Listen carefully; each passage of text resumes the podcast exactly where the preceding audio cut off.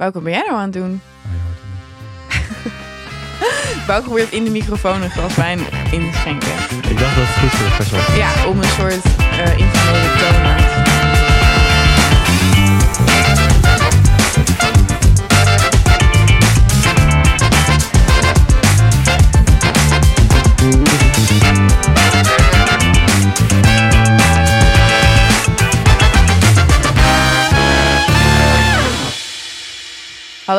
allemaal en welkom bij de eindejaars special van Red de Millennial.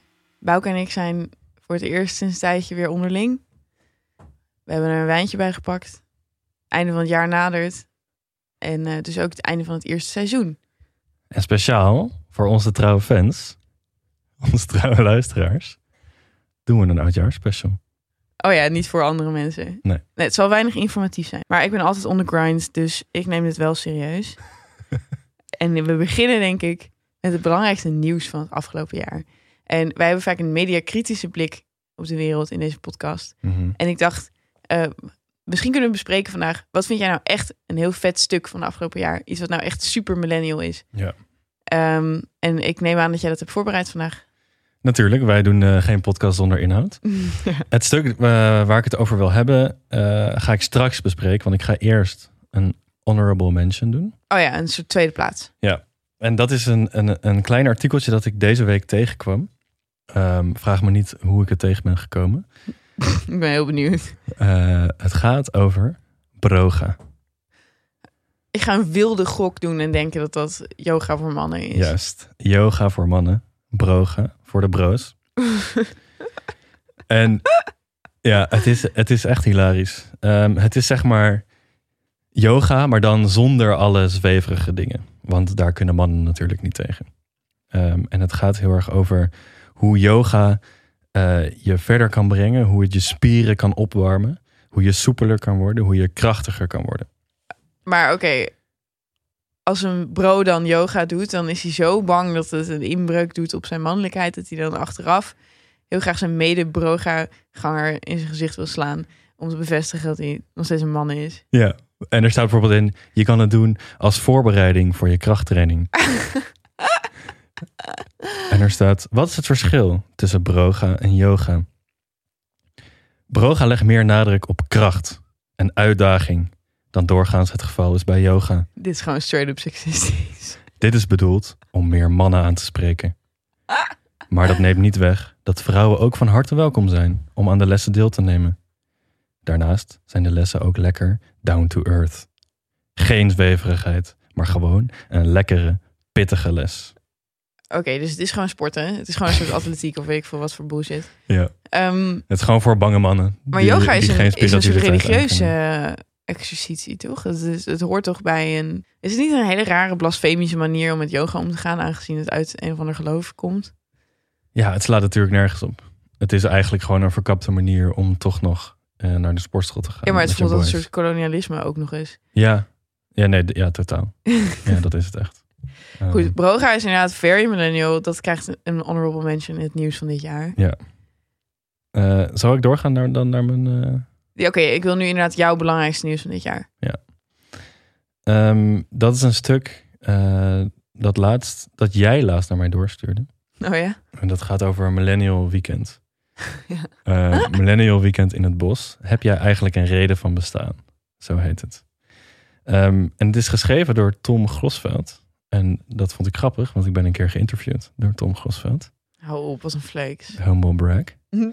Eh, maar dat is een hele droge, eh, droge gast die he- heel erg, eh, nou ja, down to earth is. En die gaat dus in dit stuk, doet hij verslag van een millennial weekend waar die heen is gegaan. En het idee is dus dat je met je mede-millennials, die allemaal eh, geen zingeving hebben, eh, bij een coach in de leer gaan voor een weekend. En dan gaat yoga of proga of eh, mediteren. en dan ga je eigenlijk op zoek naar, zo staat het in het stuk, naar je persoonlijke missie. Het is echt het zwevigste dat ik ooit heb gehoord. Grap is ook, ik heb het helemaal niet echt gelezen. Ik heb het gewoon naar je gestuurd. Oh ja. En dat ik dacht dat jij het interessant zou vinden. Mm. Ik had niet kunnen voorspellen hoe millennial het zou zijn. Het is echt heftig. Het- dat hele idee van een persoonlijke missie. Ja. super individualistisch, één. Twee, Alsof je het bos hebt uitgevonden ook. ja. En alsof iedereen zijn eigen missie moet hebben in het leven om die dan te vervullen. Ja. Het is zo... Stond er een eh, prijskaartje bij? Eh, nee, de prijs stond er niet bij. Oh jawel, ja. Een, eh, 995 euro. Je bek. Om dus drie dagen in het bos te zitten. Met je persoonlijke coach. Ehm, ja, ik kan het stuk aan iedereen aanraden. Want je, eh, je leest er heel erg in dat die jongen, die Tom, het ook echt hilarisch vindt. Maar dat mag hij natuurlijk niet zo opschrijven. Nee, oké. Ehm, maar ja, het gaat heel erg over dat iedereen ook elkaar aanmoedigt om heel kwetsbaar te zijn. En eh, om te doen wat ze echt willen. En om te zijn wie ze echt zijn. En Ja. allemaal dat soort shit. Nee, ik moet zeggen dat dat, dat soort shit jaagt me echt angst aan. Want soms heb ik het idee van... Wat als ik niemand ben? Weet je wel, wat als ik gewoon een of andere chick ben?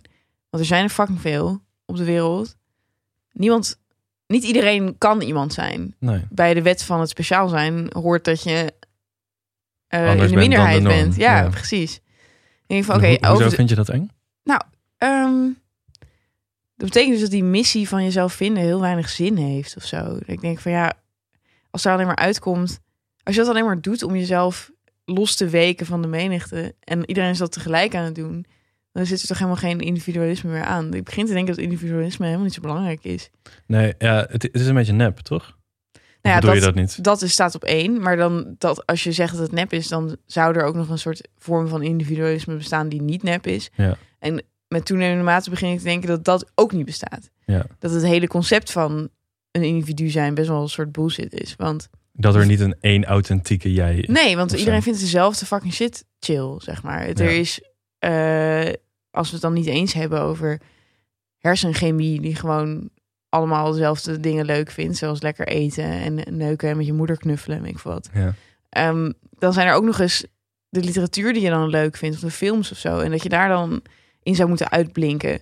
Terwijl als iedereen Eternal Sunshine of the Spotless Mind een fucking goede film vindt, dan waarom zou het dan ineens een minder goede film worden? Ja, ja dat, dat zie je heel erg, vind ik, onder onze leeftijdsgenoten. Ja, Dat je moet gewoon niet iets leuk vinden wat iedereen leuk vindt. ja, Want dan ben je eigenlijk een loser. ja.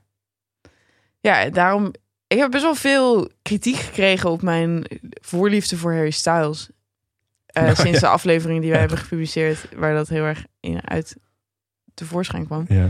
Eh, omdat hij een soort massa-artiest zou zijn. En ik ben ook heel kritisch op massacultuur. Maar ik denk ook van, ja, maar zou dat niet juist betekenen dat hij gewoon wel iets cools aan het maken is en dat iedereen het dan cool vindt of zo? Ja, ja, ik weet het niet. Het is, ik heb hier ook niet echt een soort uitsluitsel over. Nee, maar ik vind het wel een goed punt. Als, als iemand heel populair is en heel veel mensen luisteren naar hem, dan kan het toch bijna niet anders dan dat hij wat goed doet. Ja, maar de, de reden dat dit voor mij een soort heel innovatief idee is, is omdat ik heel erg zo'n van ik kende hem eerst Ja, type bitch was heel Ja. lang. Ehm, en dat ik heel erg op zoek was dan naar iets wat nog nooit iemand had gelezen. Of iets wat er nooit iemand over op een feestje had gepraat. Eh, omdat ik dacht dat mij dat interessant zou maken. En iedereen stree, eh, stree- eh, streeft er heel erg naar om interessant te zijn. Ik denk van ja, aan welke god ga je dat dan straks presenteren of zo? Mhm. Eh, Maar vind je het niet ook ergens interessant dat jij als persoon die nooit van massacultuur houdt, nu Harry Styles wel opeens heel leuk vindt? Ah, maar dit is, dit is, dit is interessant. Ja. Dit werd echt een ding eh, rondom de Kardashians, geloof ik. Mhm. Dat een heleboel soort van slimme mensen, quote unquote, die gingen toen naar de Kardashians kijken met het idee van, oh, dit is eigenlijk, het feit dat ik dit kijk, is cultuurkritiek. Ja. Eh, en het maakt mij interessant dat ik hier iets slims over te zeggen heb. En het feit dat ik soort van onder drie lagen van ironie eh, makkelijke televisie kijk, dat maakt de makkelijke, te- dat verheft de makkelijke televisie tot de positie van een, een, een cultureel chic ding. Ja. Het is een beetje waar Lot het over had in onze aflevering over eh, alles voelt nep. ja, Het reality tv kijken uit een soort van en dat dan aan jezelf rechtvaardigen van ik vind het niet echt leuk, ja. maar ik vind het wel leuk om te beschouwen en om andere mensen te bekijken die het wel echt leuk Nou, zij vinden. doet dat inderdaad. En Ja. ik, bij haar denk ik ook wel van, oké, zij kijkt het niet omdat ze het leuk vindt. Maar bij eh, de Monica Geuze fan podcast bijvoorbeeld, Hm. dan denk ik van, is dit nou echt intellectuele content? Weet Ja. ik niet. Ja. Het is namelijk gewoon eh, eh, dezelfde shit bekijken die iedereen bekijkt. En dan doen alsof je slimmer bent. omdat je er met meer woorden over praat Ja. of zo. Ja. En Het is trouwens ook, het doet me heel veel, het doet me ook denken aan, ehm, nou, dit hebben we al een paar keer benoemd in podcast, maar ik kijk ook best wel veel vlogs. ja, Precies met dezelfde soort van rechtvaardiging naar ja, mezelf en naar anderen van, oh nee, ik vind het niet, ik vind het niet echt leuk. Nee, maak je niet zorgen. Ik doe dit zodat ik het intellectueel kan beschouwen en erover kan praten. Op een nee, soort nee. van Op het moment dat je het woord Ja. vlog zegt, dan ga je al anders in je kleren hangen. Dan ben je echt zo van, nee, maar ik ben hier wel nu toneel aan het spelen. Ja. Nee, en dat is ik, geen kritiek op jou hoor, want ik ben precies zo. Maar ik denk van, als er één ding is, en hier gaan we later op terugkomen, maar als er één ding is waarvan ik hoop dat millennials het kunnen loslaten, dan is het deze ironische distantie van de dingen die ze leuk vinden. Ja. Ik denk van ja, media is er nou eenmaal om unapologetically van te genieten. Ja, er is een soort van enorme drang onder millennials om super uniek en anders te zijn dan de rest. De Mm. rest. Maar daarin zijn ze eigenlijk ook allemaal heel erg hetzelfde. En zelfs dat is geen nieuw inzicht. Nee. Ehm, maar het is wel frustrerend. Het is wel iets waar ik tegenaan loop. Ja. Oké, Dit was Vertel. jouw. eh, dit, dit, was, dit jouw was mijn nieuwsoverzicht. Oh ja, top. Oké, nou, ik heb ook een paar dingen. Ik wist niet wat ik moest kiezen, want het jaar was echt ultra millennial. Mhm. Ehm, mijn honorable mention gaat denk ik naar, eh, niet naar één artikel, maar de algehele controverse rondom Alison Roman. Weet jij wie dat is? Geen idee. Oké. Eh, Alison Roman, zij is een eh eetschrijver voor de New York Times. Een eetschrijver. ja, ze heeft een column over eten. Oké. En ze heeft hele succesvolle kookboeken die ze verkoopt. Zij is eigenlijk het gezicht van jong culinair millennial. Ze is top. Ik volg haar op Twitter, dol op Alison Roman. Mhm. Maar ik ben niet de enige. Ze is echt razend populair. En zij is zo eh, rondom afgelopen mei is zij van haar voetstuk gevallen om eigenlijk hetzelfde ding dat haar populair maakte. En dat is The Stew. En dat is een stoofpotje dat zij eh, ehm, op haar, in haar column heeft gezet. En dat is Ja. een stoofpotje dat bestaat grotendeels uit ehm kikkererwten, kurkuma, ehm, kokosmelk en wilde spinazie. Dus het is echt een heel simpel, rudimentair stoofje. Vegan. Eh, ja, ook nog eens vegan inderdaad. Je kunt er wat yoghurt bij eten, maar het is, het is van nature is het vegan. Eh, dus het deed het heel goed. ja. En het is echt op me. En zij maakte het stuk en ze schreef daarin van: ik had deze simpele ingrediënten nog in huis en tot mijn grote verbazing is daar dit best wel spectaculaire recept uitgekomen. Ja, ik voel hem aankomen. Ehm, ja, ja, voel je hem aankomen? Want wat er toen gebeurde is dat iedereen daarover viel. Want dit was natuurlijk een van oorsprong India's gerecht. Ja, zo is het dacht ik wel. Ja, eh, eh, en zij heeft dat natuurlijk niet uitgevonden. Ja. En kurkuma is niet een eh, specerij die inheems is Ja, voor haar. ja.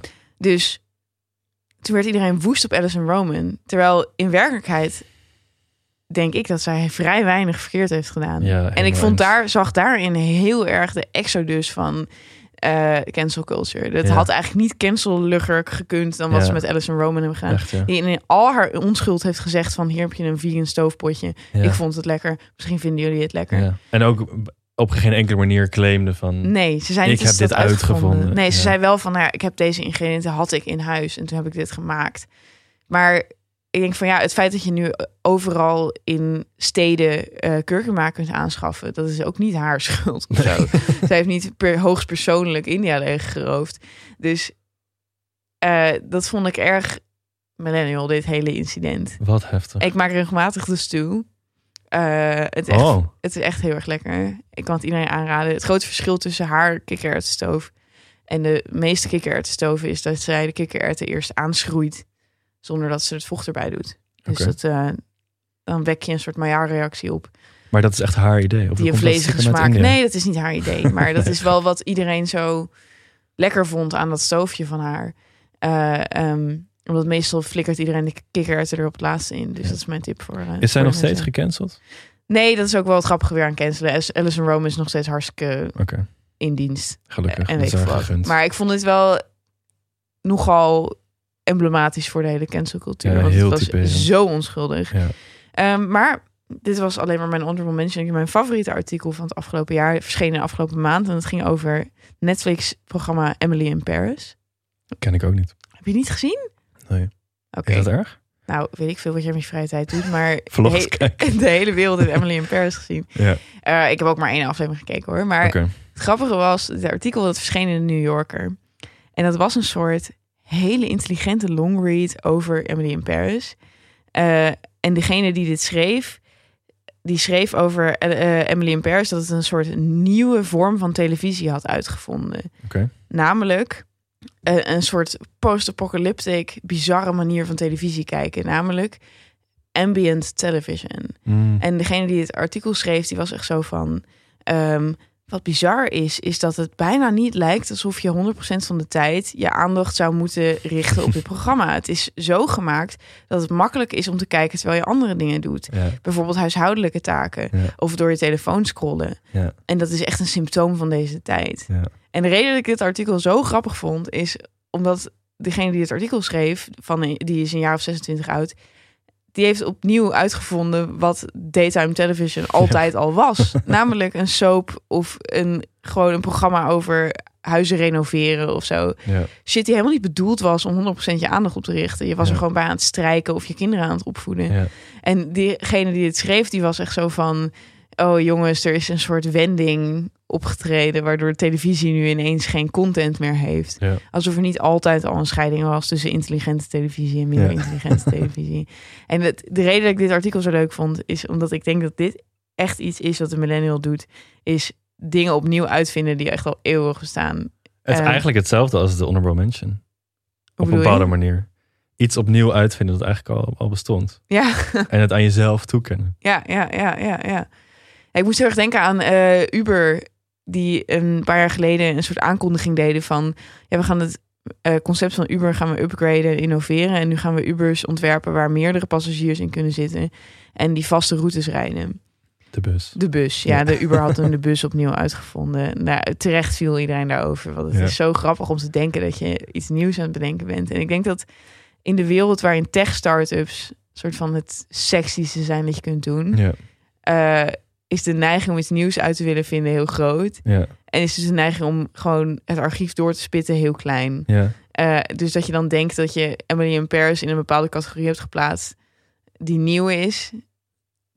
Eh, dat is echt heel erg van deze tijd. Ja. Want Emily in Paris is natuurlijk gewoon kut tv zoals er altijd kut tv is geweest.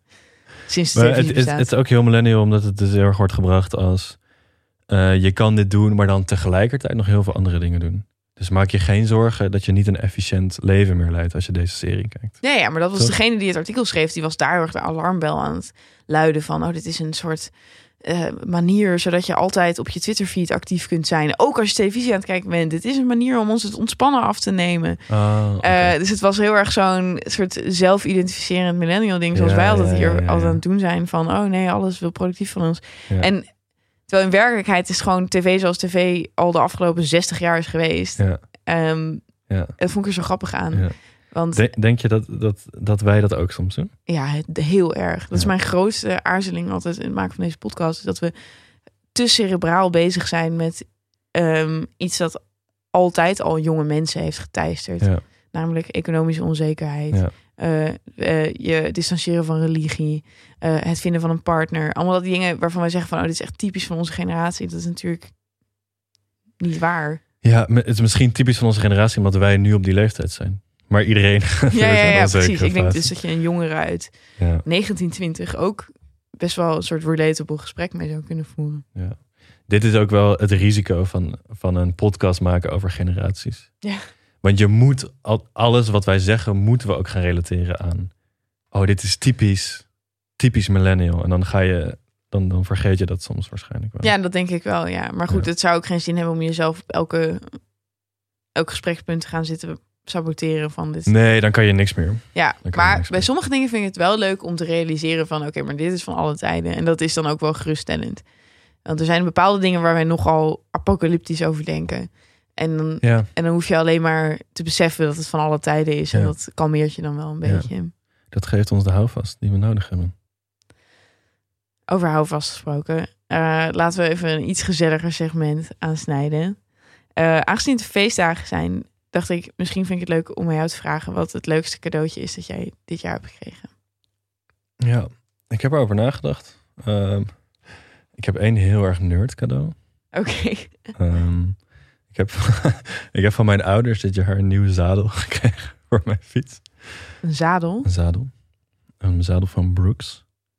Zijn er speciale merken voor? Ja. En dat zit dan lekkerder aan je zak of zo? Nee, gewoon voor je billen. Daar zit, die zitten er toch een beetje omheen? Of expose ik mezelf nu als in het bezit zijn van een enorme reet? Je, dat je billen om je zadel heen zitten. Ja. Ja, maar het midden van je billen zitten toch wel echt op het zadel, toch? Oh ja. Ik, ik zie altijd voor me dat ik alleen maar balanceer op de nauwe brug die wij het Pyreneeum noemen. ja, dan heb jij wel echt een breed perineum. Als dat gewoon op jouw zadel past. Kijk, dat staat ook op mijn Tinder profiel. Oké, ehm, Nee, maar je hebt gelijk. Ik, ik, ik spreid altijd mijn, mijn balzak eh, voordat ik ga fietsen. helemaal uit over mijn zadel. Als een soort van zadelhoes.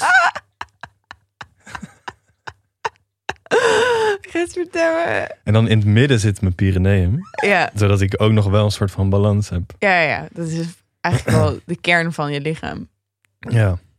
Maar ja, daar was je erg blij mee met je nieuwe zadel. Ja, nu hoef ik mijn ballen niet meer om mijn zadel. te.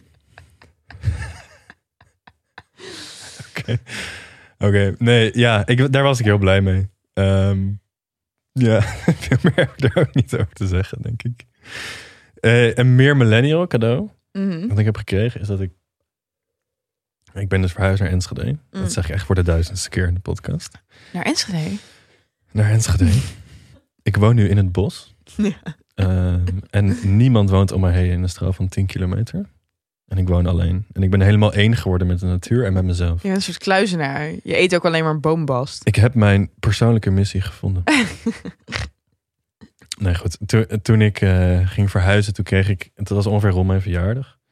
Ehm, en toen kreeg ik een cadeau van mijn vrienden uit Amsterdam. Wat natuurlijk echt classic millennials zijn. Ja, je hebt hierover verteld in de uitzending. In de podcast. Heb ik erover verteld? Ja, je hebt erover verteld. Dat ik een overlevingspakket Ja, ja, ja. Je kreeg een, over, je kreeg een soort waardebon voor... Oh, fuck. Oh, dat weet je niet. Oh, wat grappig dat je dit niet meer weet. Dat weet ik niet meer. Ach, ik dacht dat ik een gat in mijn hoofd had, maar het blijkt dat het Bouke het is. Weet je, ik onthoud alleen maar hele diepe fundamentele dingen. Daar ben ik vooral mee bezig in mijn hoofd. Dus dit soort randzaken. je kunt die gast echt midden in de nacht wakker maken en dan gaat hij tien minuten over Hegel praten. Oké, Ja, maar je hebt ook Chicky. Je hebt je niks van haar gekregen dan. voor mijn verjaardag heb ik, eh, heb ik een weekendje weggekregen met haar. Je moest er wel heen fietsen zelf. Ja.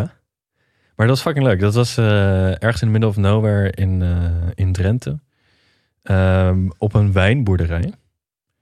Eh, dus een, een, een stelletje dat daar een soort wijngaard heeft. En toen zijn we er inderdaad erheen gefietst. Vanaf Apeldoorn zijn we daarheen gefietst. En ehm, helaas niet op mijn nieuwe zadel trouwens.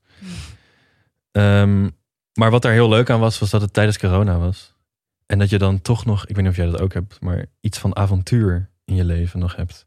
Ik ben alle spontaniteit kwijt. Ik weet niet hoe dat met jou zit. Oh, ik was toch wel best wel avers eh, voor corona. Niet een heel avontuurlijk iemand. Nee? Nee. Nee, ik heb ook best wel vaak dat ik echt wakker, wakker lig van het idee dat we straks weer uit moeten en zo. En avonturen gaan beleven. Want dan wordt dat contrast weer zo duidelijk tussen andere mensen en, Oh. en de mensen die thuis zitten. Ja. Maar spontaan weekendje weg.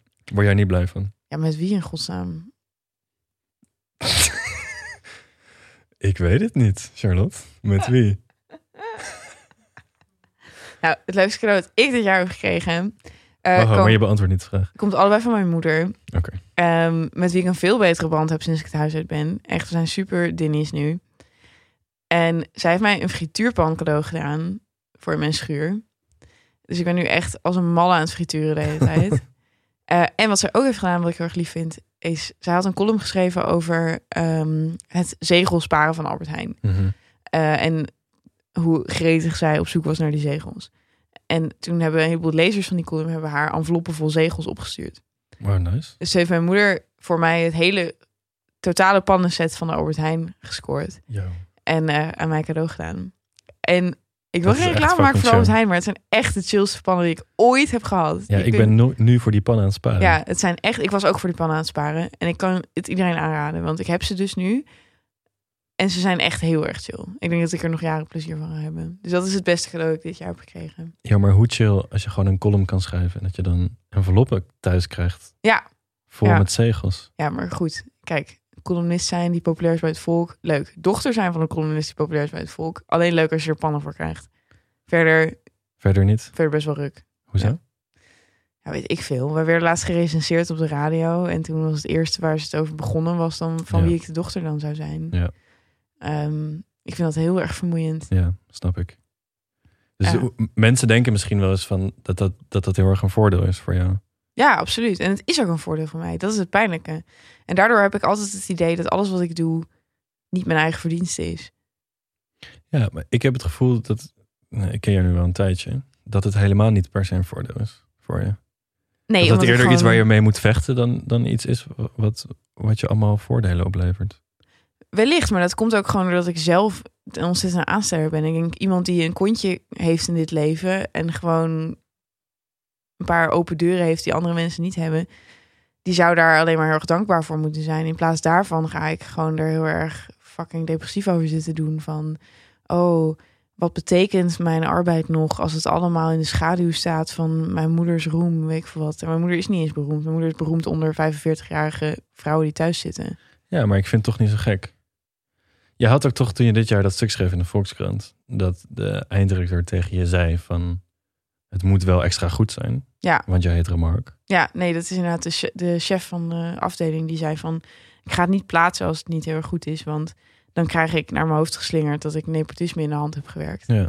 En ik snapte haar heel erg. Aan de andere kant wilde ik mezelf echt ophangen... toen ik de deadline zag naderen... want Ja. ik kon het gewoon niet schrijven... want Ja. het moest heel goed zijn. In die zin heb je denk ik ook wel een achterstand. Want ik zou dat nooit hebben. Maar een baan in de media is sowieso een chille baan. Zeg maar, het is, hoe moeilijk het ook is, je moet beseffen dat je iets aan het doen bent dat andere mensen graag zouden willen doen.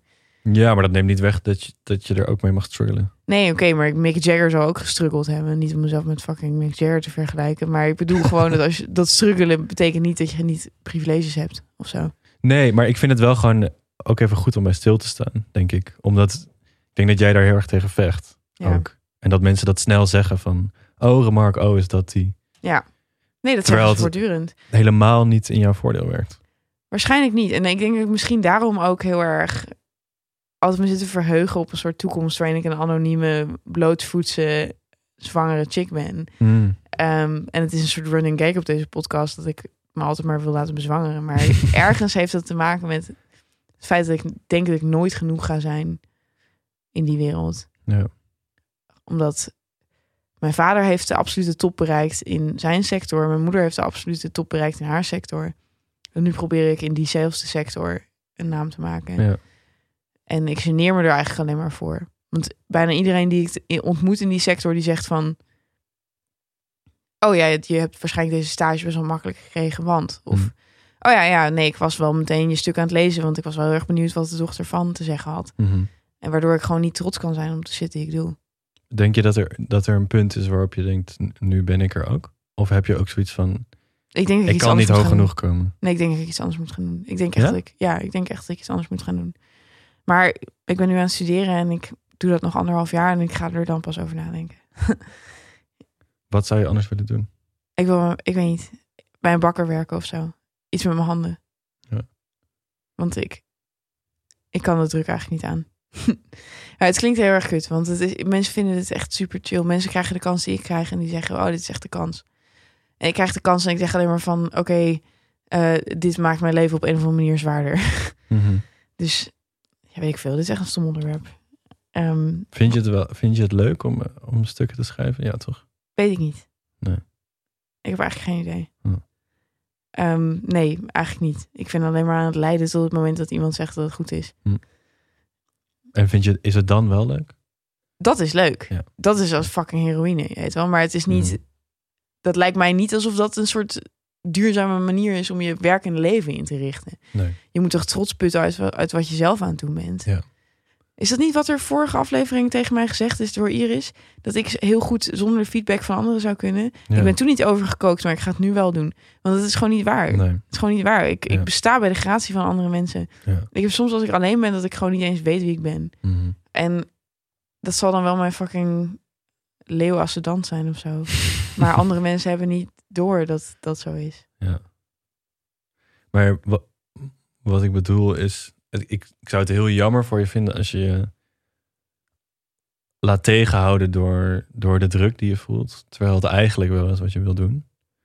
Want dan zou ik tegen je zeggen: Je bent er gewoon vanuit jezelf fucking goed in. Ja, maar dat is een millennial ding. Kijk, het is een millennial ding om te denken dat er iets is waar je nature, van nature heel erg goed in bent. Ik bedoel, er is... er- Nou, ik weet niet. Ik, ik zeg ook niet dat je er. Ik, zeg- ik zeg niet dat je er van nature goed in bent. Eh, ik zeg wel dat je er goed in bent. En, d- maar dat vind ik helemaal niet een millennial ding. Dat is gewoon. eh, dat is gewoon heel menselijk. Toch? Voor iedereen. Nou, ik weet het niet. Soms dan denk ik van, ik heb een soort hele misplaatste nostalgie naar de tijd dat je gewoon geboren werd in een gilde. En dan werd je meubelmaker. En dan was er niemand die zei van, oh, je bent eigenlijk geboren om fucking operazanger te worden of zo. Nee, de- maar dat zeg ik ook niet. Ik zeg niet dat je geboren bent om, om te gaan schrijven. Maar wat ik zeg is. Ik zou het jammer vinden als je je laat tegenhouden om te schrijven. Omdat je zoveel druk voelt. Als het wel eigenlijk is wat je het liefst zou doen. Als het niet is wat je het liefst zou doen, dan zou ik zeggen, dan zou ik het ook niet doen. Maar Nee, maar om lang verhaal kort te maken, ik heb geen idee wat ik leuk vind om te doen. nee, dat En, hoeft ook niet. Eh, dat hoeft nu geloof ik ook Nee. niet. En eh, al die andere dingen waar je dan zorgen om maakt... en dat je dan 900 euro betaalt om naar een bos te gaan... dat iemand tegen je zegt dat je moet doen wat je leuk vindt. Het voelt allemaal als een soort omgaan met iets... waar iedereen altijd al met mee om heeft hoeven gaan. Mhm. Ik bedoel, ik, dan de mensen in die gildes misschien niet. Maar onze ouders wisten ook niet wat ze wilden. Nee. En ik heb het idee dat zij gewoon daar niet over gestrest raakten. Over het feit dat ze het niet wisten. Hm. En dat het juist best wel een soort aantrekkelijk iets was om een eeuwige student te zijn. Ja. Of om iemand die nog, nog niet vastgeketend was aan een of andere bestemming. Ja. Terwijl nu proberen we daar zo snel mogelijk van achter te komen. Mhm. Ik weet niet. Het voelt alsof het niet meer mag. Alsof je geen sukkel meer mag zijn. Ja, nee, dat, dat is ook wel een van de dingen die ik misschien het meest uit, uit de podcast heb, heb geleerd of zo. Dat, dat wij onszelf zo erg aanpraten van alles mag, alles kan. Dus er, je moet één ding vinden Ja. dat precies is wat jij gaat doen. En dat moet je dan halen. En als je het niet haalt, ben je ook een loser. Het is een beetje een bijverschijnsel van de sociale mobiliteit. En was het zo van, oké, eh, het is een beetje het Billy Elliot complex. Van, jij bent de zoon van een eh, mijnwerker, maar je wil eigenlijk balletdanser worden. Hm. En dat is aangeboren. En de samenleving die we moeten creëren is een samenleving waarin de balletdanser ook echt tot bloei kan komen. Ja. Nu hebben we die samenleving gecreëerd. En iedereen is doodongelukkig. Ja, het blijkt niet zo je. Ja. ik heb geen oplossing. Het is gewoon een constatering die ik elke aflevering opnieuw ga maken. Ja. Ja. Goed. Ehm, Het is het nieuwe jaar. het is een nieuwe jaar. Heb jij goede voornemens voor jezelf? Ja, ik heb er wel een paar. En ze zijn misschien een beetje tegenstrijdig. Oké, En ze passen heel mooi in waar we het net over hadden. oké, vertel. Ehm, mijn grootste voornemen is, om, is dit jaar om, eh, om minder te moeten en meer te zijn. Oh, dit is sorry, Pauke, ik kan het gewoon niet serieus nemen. Hoezo Wat niet? dan? Hoezo? Niet, hoezo minder moeten? Moeten is het chillste wat er is. Minder moeten, omdat... Nou, ik, ik herken heel erg wat je zegt over die druk. Ik heb het dan niet, niet vanuit, een soort, vanuit een soort ouders, maar wel... Wel heel erg van... Ik moet, ik moet iets zijn. Ik moet iemand zijn. En dat moet ik constant bewijzen. Als je wil naamsbekendheid hebben. Nou, niet per se naamsbekendheid. Ik, het, het kan ook, het uitzicht bij mij ook heel erg bijvoorbeeld in ik moet hoge cijfers halen op mijn studie. Oh ja. Ehm, maar zonder dat ik iets concreets heb, wat ik soort van kan meten en waarmee ik aan anderen kan laten zien, dit is wie ik ben. Kijk, ik heb hier een bewijs. Ik heb een 9 gehaald. Of ik heb dit stuk geschreven. Dat heeft zoveel lezers. Zonder dat vind ik, mez- vind ik mezelf niet zoveel. En daardoor leg ik mezelf heel veel soort van moeten op. Dus ik- ik sta op en dan is het echt van, dan, dan moet ik de hele dag dingen. In mijn- de dingen die in mijn agenda staan voelen ook als, als moeten. Niet per se als dingen waar ik heel veel zin in heb. Terwijl het wel dingen zijn die ik leuk vind. Maar wat is dan zijn, als je dat er tegenover stelt? Als je gewoon een dag voor je ziet waarin je bent en niet moet? Ja, ik heb het natuurlijk expres heel zweverig verwoord om jou ja. te pesten. Oké. ja, ik struikel er wel in het Ja. onmiddellijk over. Ehm, met zijn bedoel ik een soort van dat je er dat je ook oké bent zonder de- dat je allemaal aan allemaal dingetjes voldoet.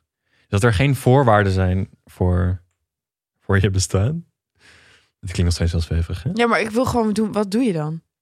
Je zet geen wekker of zo. Nee, nee, nee, nee, daar gaat het niet om. Het, je- ik zou echt dan precies hetzelfde kunnen doen als wat ik nu doe op een dag. Oh, Maar het is de mindset waarmee je het doet.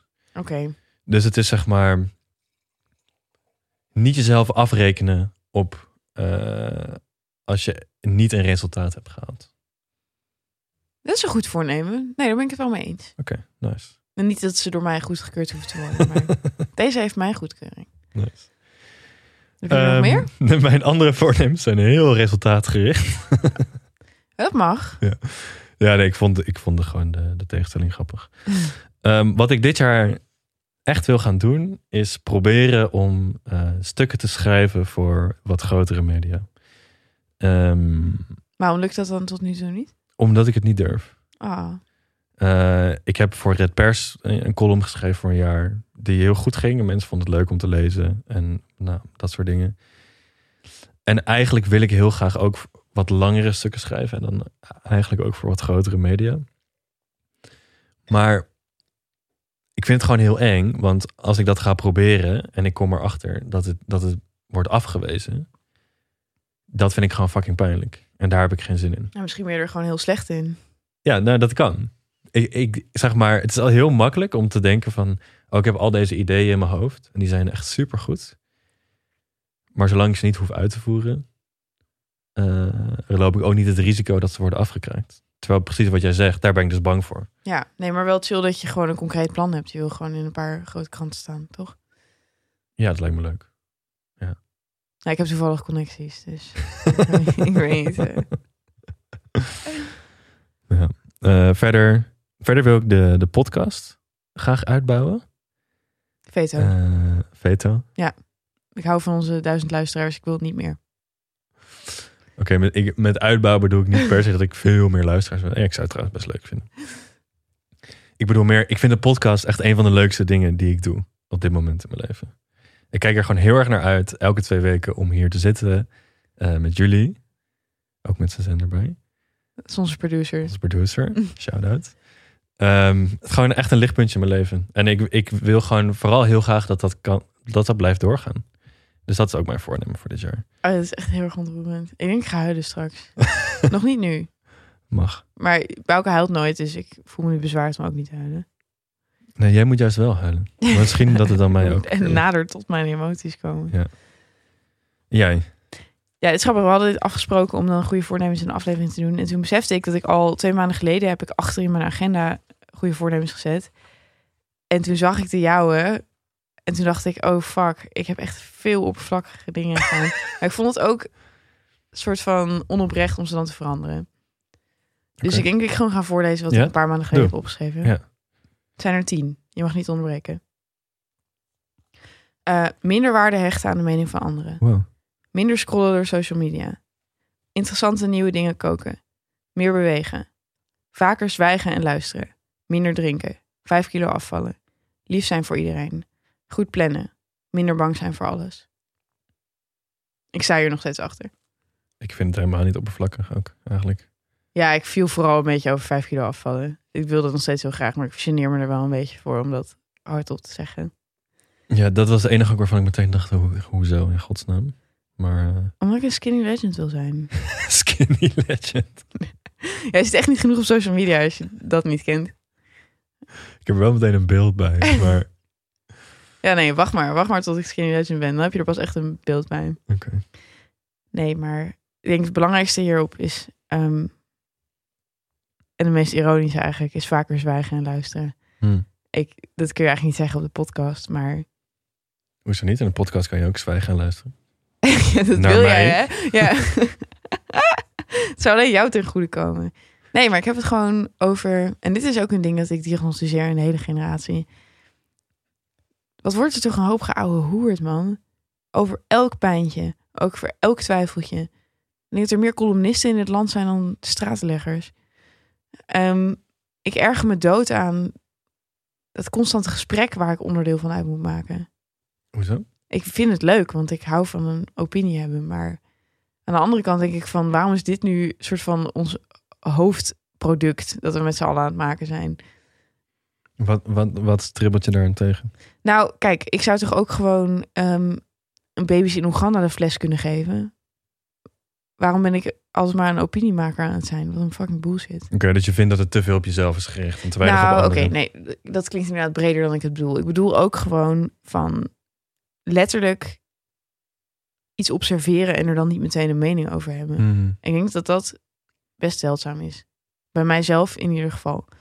Dat ik heb altijd het idee dat in de drie seconden nadat ik iets lees, Mhm. ben ik het scherpst. Want dan ben ik reactionair. En dan Mhm. kan ik gewoon meteen er heel hard iets over zeggen.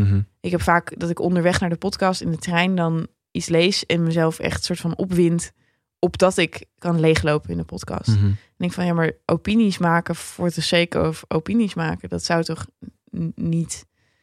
Dat is Ja. geen eerlijke industrie. Dus Dus daar val ik een beetje over bij mezelf. En ik heb een podcast maken, dat is oké. Ik vind het leuk. Ik vind het ook inderdaad het leukste dat ik doe. Maar Denk je dat het elkaar uitsluit? nee, ik denk ook niet dat het uitsluit. Dat het elkaar uitsluit. Je kunt best mindful een, een mening hebben. Mhm. Maar in mijn dagelijks leven zou ik niet na ieder feestje met klappende oren in de tram willen zitten van wat heb ik veel geluld. Ja.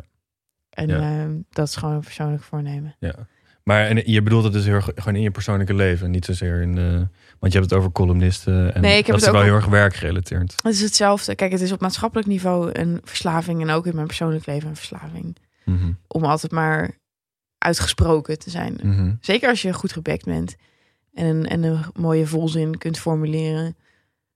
Dan heb je gewoon al snel de neiging om overal voor het podium op te gaan. Mhm. Of het nou op een feestje is of in de studio of in een krant. Mhm. Maar er- ik, ik, ik snap als je zegt ehm, in, op werkgebied en misschien in de media is dat niet waar het zou, om zou moeten gaan, een mening om een mening te hebben. Maar hoezo zit het je ook in je persoonlijke leven dan dwars? Wat, wat, Ja, ik denk dan gewoon dat je dan de aandacht naar je toe trekt. Meer Ja. dan nodig is. oké, ja. En En dus minder luistert naar anderen. Of dat niet? ja, daardoor natuurlijk. Ik bedoel, Hm. als je vijf borrels hebt gehad, dan wil je gewoon alleen maar je eigen stem horen. Dat wil ik even afleren. Nou, ik vind het wel een mooi voornemen. Eigenlijk. ja, Oh, en over dingen leren gesproken. ik vind luisteren altijd een goed idee.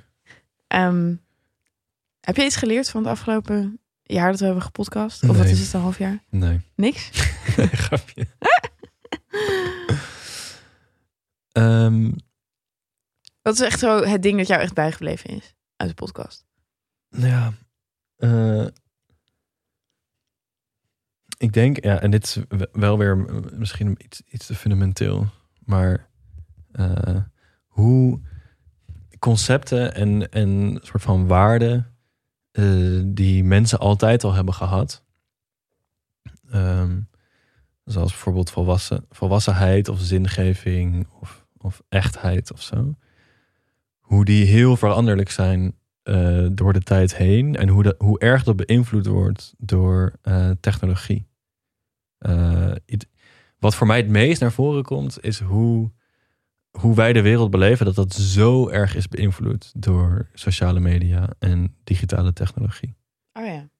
Bijvoorbeeld dat we het met Roos hadden over alleen zijn. En dat het hele idee van alleen zijn is veranderd omdat we altijd een apparaat in onze broekzak hebben dat ervoor zorgt dat we misschien nooit echt alleen zijn. Nee, dus Maar we wel nog denken verder dat geradicaliseerd op het gebied van technologie eng vinden.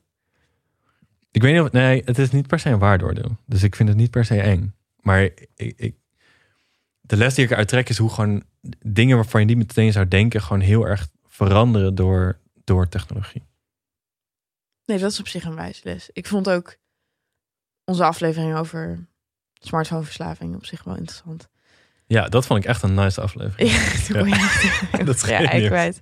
Oh, ik meen het wel echt. Nou, ding ja. dat ik het, het meest nog echt me herinner uit de podcast is het moment dat Adriaan eh, in de aflevering over werk Hm. zijn vinger legde op ehm, spiritualiteit als productiviteit. Ja, ja, En ja. hij was er zo van, oh ja, dat is nu een soort van ding dat hippie shit is geco-opt door tech CEO's. En daar, toen brak er echt iets in mijn hoofd van, what the fuck. En sindsdien ben ik echt een zieke marxist. Dus, ehm, Nee, dat was een sick inzicht inderdaad. nou ja, dat wist ik helemaal niet. Want Hoe ik wist wel van het ja. microdose van paddenstoelen en dat soort dingen. Ja. En, maar dat hij zei van ja, dingen zoals mediteren en eh, psychedelica nemen en op een bepaalde manier slapen en weet ik wat, je sociale leven op een bepaalde manier inrichten. Ja. Dat het allemaal eigenlijk gejat is door mensen die zo productief mogelijk willen zijn. En dat, Dat- het dus heel erg wordt, wordt omgezet in iets dat je alleen nog maar meer kan laten presteren. Ja, ja, dat vond ik echt wel interessant. Ik Ja. ben niet anti-productiviteit. Dat blijkt uit alles. Ik ben juist, ik wou dat ik een stuk productiever was. Hmm. Maar hiervan denk ik wel van, oh ja, dat is best wel sneaky. En je Ja. ziet het echt overal. Ja. Ehm, en Ja. dat ontspannen eigenlijk alleen maar een, een, een gereedschap in het kistje van productiviteit is. Ja, ja. Ik vond het ook persoonlijk een wijze les. Ik weet niet of jij dat ook had. Maar dat je dus, weet ik veel, dat ik dan bijvoorbeeld mediteer. En Ja. dat stiekem ook doe. Zodat ik dan denk, ja, maar dan fix ik mezelf gewoon in de ochtend. Ja. Zodat ik de rest van de dag heel geconcentreerd mijn werk kan doen. ja, nee, op dat gebied loop je een paar stappen voor op mij. Want ik was nooit... Nou ja, maar ik weet niet of het dus voorloop is. Want het slaat eigenlijk een beetje nergens op. Nee, maar jij, haalt echt, jij haalt oprechte vrede uit mediteren. En ik vind het ook lullig dat ik er zo kritisch over doe. Nou, dat is echt helemaal niet erg. eh, maar We moeten ook spanning hebben in de podcast, Charlotte. ja, Conflict. dat vind ik zo grappig. Sensatie. Dat bericht dat mijn vader mij stuurde helemaal aan het begin van de podcast. Kun je je dat nog herinneren? Dat staat in mijn geheugen gegrift. Ja. Ik weet niet Maar meer wat hij, nou, wat hij nou precies zei. Oh, ik weet het nog wel letterlijk. Ja. Oké, vertel. Eh, j- jullie hebben een leuke dynamiek. Eh, Charlotte, je bent eh, lekker scherp en snel. En Bouke is een langzame denker. Oh, nee, oké. Maar papa die is natuurlijk automatisch heel erg fan van mij. Want ik ben zijn oudste kind. ja, pijnlijk. Ja. Ik vond, het, ik vond het echt wel kut, eerlijk gezegd. Maar ik weet ook, ik weet dat hij het niet kut bedoelde. Dat het meer gewoon ja, hij bedoelde het niet kut. het en bovendien is een soort schoonzoon vibes ook wel hoor. Van alle mannen in het leven van mijn dochter. Die ga ik gewoon even met de zijs overheen. Ja, oké. Goed. ehm, Ik zou graag deze aflevering beëindigen met een paar voorspellingen voor de komende tijd. voorspellingen. En dan wil ik er ook wat, wat wensen in. Wensen. Dus oh ja. zeg maar, wat, denk je dat er gaat gebeuren? En ook misschien wat hoop je wat er gaat gebeuren voor de millennials. Voor de millennial. Oké, nou, de millennial is een groep die flink gedupeerd is. Dat is het portret dat wij hebben neergezet. En ik gun ze van alles. Ik verwacht wel een paar dingen. Ehm een daarvan is eh, best wel specifiek. Is dat ik denk dat anti-tech tech heel erg populair gaat worden. Hmm. Dat bestaat al in de vorm van zeg maar meditatie-apps en apps die jou eh, dwingen om je telefoon weg te leggen. Mhm. Ehm, maar ik denk dat dit wordt echt nog veel meer een rage dan het nu is. En eh, iemand in mijn leven die probeert mij de hele tijd eh, een concept te verkopen voor een vaste telefoon. Een vaste Mhm. telefoon voor de millennial. En dat is een ding dat je aan je muur hangt waar je dan je smartphone inzet als je thuis komt. Ik dacht even dat je ging uitleggen wat een vaste Nee, telefoon nee, is. nee, de, de nieuwe Ja. vaste telefoon. Eh, Ik wilde al eventjes eh, teruggrijpen op eerder in de aflevering. je vindt wel opnieuw het wiel uit nu. Nee, nee, nee. Ja, dat, dat is wel serieus de Ja. kritiek die ik hierop had. Ja, Maar hij zei van, er is best wel een markt voor eh, een apparaat waar je dan je telefoon in doet aan het einde van de dag. Als je thuis komt van je werk, zeg maar. Ja. En dat is dan zo geïntegreerd in je smartphone dat het op die manier werkt dat je alleen telefoontjes kunt ontvangen. Mhm, Dat het dus echt werkt als een vaste telefoon. mhm. En dat het echt zal voelen als een soort combinatie van een cellphone jail en eh, de nachtstand op je telefoon. Eh, en dat het zeg maar een mooi design zou hebben en fysiek aan te raken zou zijn. Ja. Eh, en toen dacht ik van ja, ik vind het nu echt heel erg tuttig klinken allemaal. En alsof niemand het wil. Maar mijn voorspelling dan voor de millennial is dat zij heel erg verliefd zullen worden op dit soort anti-tech tech. Wa- Wat, wat vind je ervan dat het anti-tech-tech is? Ik vind het een geruststellend idee. Want dat betekent dus dat dat idee dat we soms hebben van de jongste generatie, dat zij echt slaafs verbonden zijn aan de digitale wereld, Ja. dat die niet helemaal opgaat. Ja. Ik bedoel, het is ergens lachwekkend dat je terug zou grijpen op oudere technologie Mhm, om jezelf te behoeden voor de roep van het scherm. mhm. Maar als ik het positief bekijk, dan is het gewoon zo van... Oké, we hebben met z'n allen beseft dat het niet nice is. Dat we dan 200 euro zouden neerleggen om gewoon een plastic aanzetstuk op ons telefoon te zetten. Dat betekent eigenlijk alleen maar iets goeds. Ja. Als ik er kritisch op kijk, dan denk ik, oké, dit is echt hyperconsumerism. Want je kunt ook gewoon je telefoon wegleggen. Ja, maar dat kan dus blijkbaar niet. Het kan dus blijkbaar niet. Nee. Zou, jij En- dat, zou jij zo'n ding kopen? Eh, nee, Nee. want ik ben dan zeg maar te koppig om te toe te geven dat ik die dat steuntje nodig zou hebben. Maar mijn voorspelling voor de toekomst van de millennial is dus dat we hier heel erg op gaan kicken. Ja. En er zijn al bedrijven die hier heel erg op ingrijpen, zoals Punkt. Die maken eh, een telefoon met maar drie knoppen en een, eh, een wekker die alleen wekt, zeg maar. Die vragen er echt de hoofdprijs voor. Dit is weer shit opnieuw. Ja, ja, ja. Maar dat is, ik denk dat dat de toekomst van de millennial is. Gewoon shit uitvinden die onze ouders voor lief namen. Ja. Omdat ze beseffen dat wat we nu hebben eigenlijk best wel wack is. Oké, en wat hoop je? En wat hoop ik? Ik, ehm, ik hoop dat we ons gevoel voor humor terugkrijgen. Hm. Hoe links ik ook ben, hier loop ik echt keer op keer tegenaan. Hm. Dat ik gewoon niet de grapjes kan maken die ik wil maken. En Dus poli- politiek incorrect te gaan. Ja, nou, niet alleen. Ik denk dat we gewoon echt over de hele breedte ons gevoel voor humor kwijt zijn. Eh, en je kunt best een politiek correct grapje maken over de politiek. Dat nog steeds niet goed opgevat zal worden, omdat je de politiek serieus zou moeten nemen. Mhm. En ik denk de enige manier om een leefbaar bestaan te hebben als mens is om jezelf altijd maar ironisch te distancieren van dit soort grappige dingen. Mhm. Dus dingen zijn gewoon grappig. Ja. En ik denk dat we dat ook wel, dat we dat wel echt een beetje kwijt zijn. Ehm, Hoe, waar, waar zie je dat in?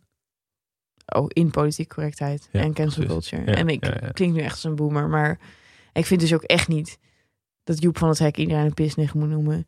Maar ik, ik vind dus wel dat zodra er een maatschappelijk relevant onderwerp op tafel ligt, Ja. dat iedereen verzuurt en verkrampt. Ja. En dat je er niet meer een gesprek over kunt voeren. Omdat de Ja. angst zo groot is dat iemand er een verkeerd grapje over maakt. Ja.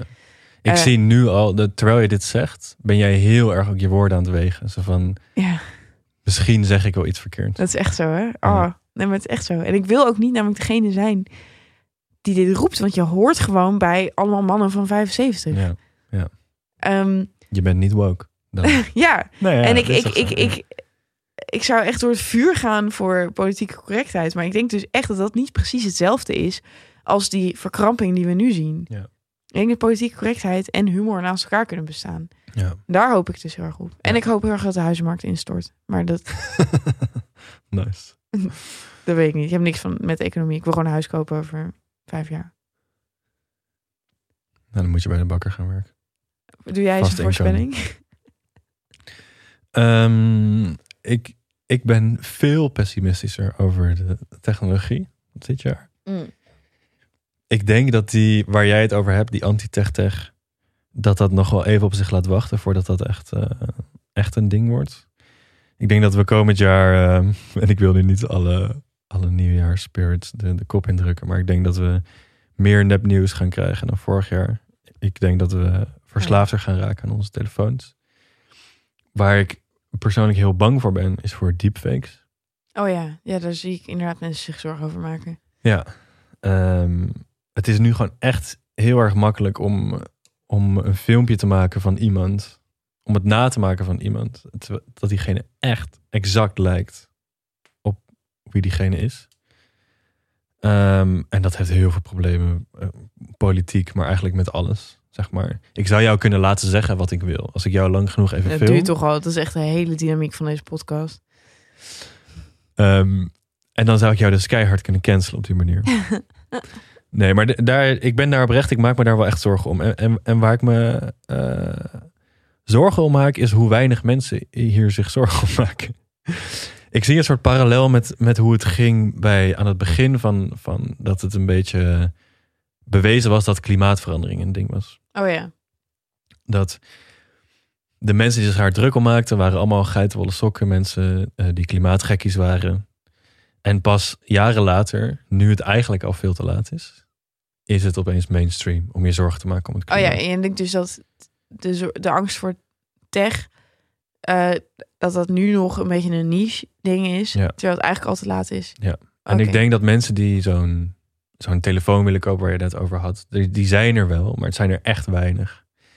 En ja, ik hoop heel erg dat millennials zich hier meer druk om gaan maken. Maar ik zie het gewoon echt niet. Nee. Ehm, dus ja, daar maak ik me zorgen om. Eh, wat, wat ik heel leuk ga vinden aan volgend jaar, Hm? om er toch nog iets positiefs van te maken, is dat ik denk dat als eh, de Rona straks voorbij is, oh we allemaal gevaccineerd zijn, als je dat wil, gevaccineerd worden, Wij zijn pro-vaccinatie in deze podcast.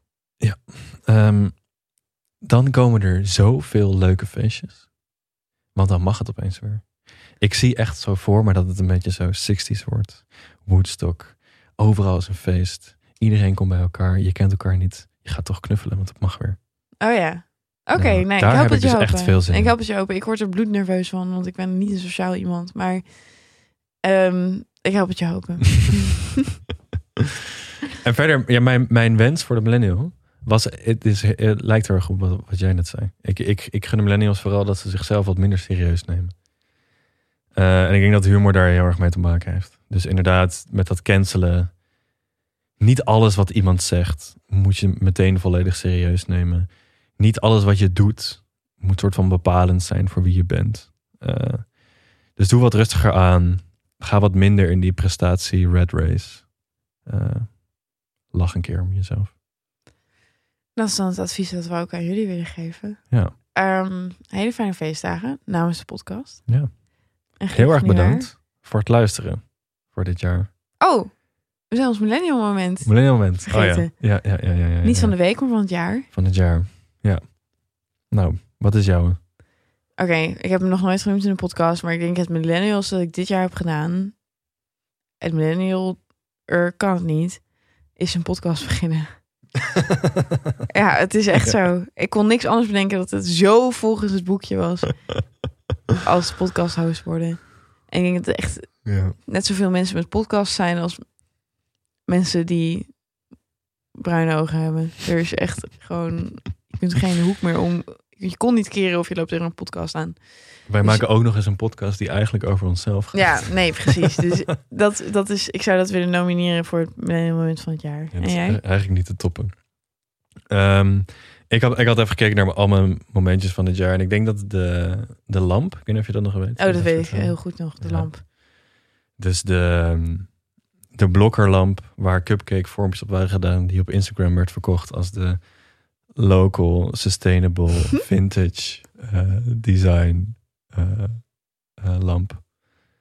Was echt mijn toppunt. Ja, dat is echt, jaar. dat is inmiddels de mascotte van deze podcast Ja. geworden, denk ik. Dus Dat moet misschien mee. logo worden. Ja, ja, goed. We Goed. hebben een eh very millennial jaar gehad. Ik Ja. hoop jullie ook, of niet. Je weet wel, wat je wil.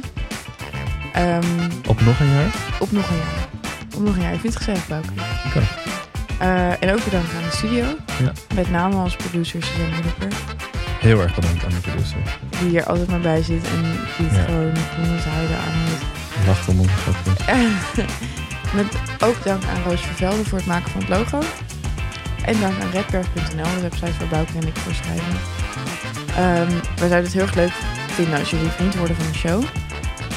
Dat kun je doen op de website vriendvandeshow.nl Millennial. En dan kun je ons met een financiële bijdrage het nieuwe jaar in helpen. En heel erg bedankt voor het luisteren. Fijne feestdagen. Fijne feestdagen en tot volgend jaar.